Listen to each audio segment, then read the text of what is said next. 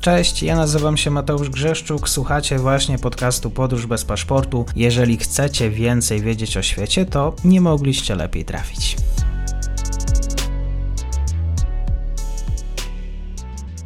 Dzień dobry wszystkim słuchaczom.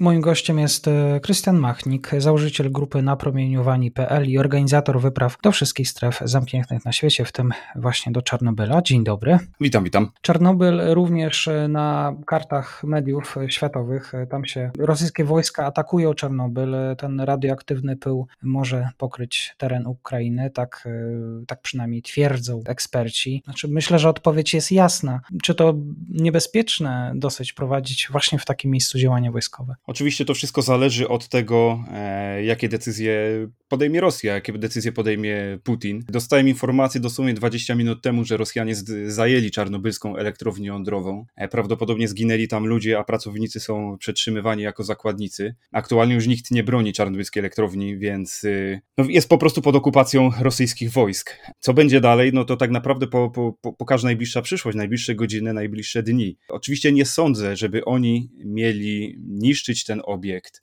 no bo to nikomu nie jest na rękę, także Rosjanom, gdyby mieli zająć Ukrainę, no to po co im teren, który będzie ponownie skażony, a może i, może i dalsze tereny. Pytanie tylko, no z, zawsze gdzieś tutaj zostaje, zostaje taki, taki pytajnik, no bo przecież jeszcze do wczoraj nikt z nas nie spodziewał się wojny. Zastanawiam się też, co z tymi babuszkami, co z mieszkańcami tamtych terenów, jak oni to przeżywają. Niestety nie mam zielonego pojęcia, bo e, nie mam kontaktu po prostu.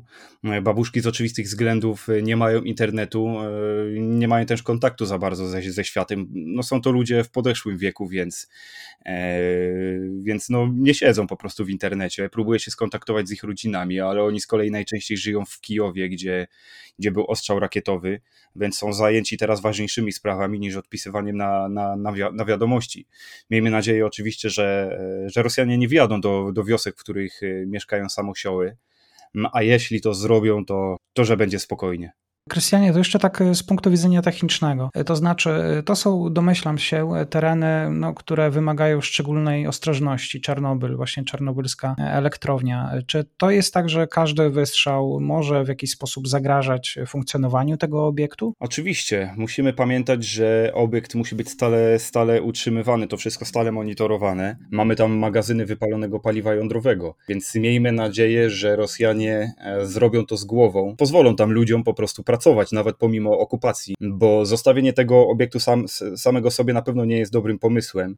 Dobrym pomysłem nie jest też y, prowadzenie tam y, działań zbrojnych, bo jedna zawiruszona rakieta trafiona chociażby w sarkofag może roznieść ponownie radioaktywny pył. Jeżeli mógłbym Cię też prosić o scharakteryzowanie y, co do terenów wokół w ogóle Czarnobyla, to są tereny zamieszkałe, tereny, które jakby, na których prowadzi się dosyć łatwo działanie wojenne, co je charakteryzuje, bo też oczywiście zmierzałeś wzdłuż i wszerz. Jeśli chodzi o samą strefę czarnobylską, to ze stałych mieszkańców mamy tam tylko Samosiołów, czyli to jest grupa zaledwie kilkudziesięciu osób, ale musimy pamiętać, że w samej elektrowni czarnobylskiej pracuje około 2000 ludzi, w samym mieście Czarnobyl, w samej strefie w ogóle czarnobylskiej, to są strażacy, policjanci i inni, to też jest około 2000 y, pracowników, więc łącznie w samej strefie około 4000 ludzi każdego dnia przebywa.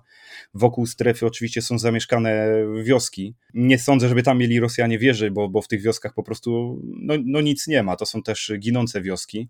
Natomiast y, mieliśmy dzisiaj rano informację, że w wiosce Karpiliwka, która graniczy z czarnobylską strefą zamkniętą, rozbił się y, rosyjski myśliwiec szturmowy i trwają poszukiwania, zakryłem na szeroką skalę rosyjskiego pilota, żeby go po prostu schwytać. Ty rozumiem, e, nie wybierasz się raczej w tamte strony, rejony, to jest zbyt niebezpieczne.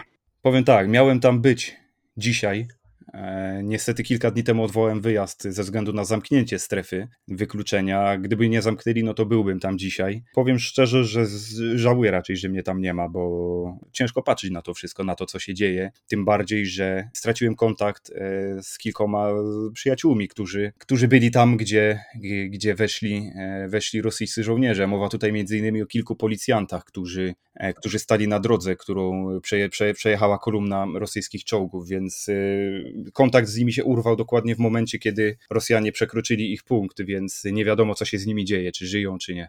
Krystian Machnik, założyciel grupy Napromieniowani właśnie w kontekście wojska rosyjskiego, które atakuje i jak się dowiedzieliśmy zdobyło Czarnobyl. Serdecznie dziękuję. Również dziękuję.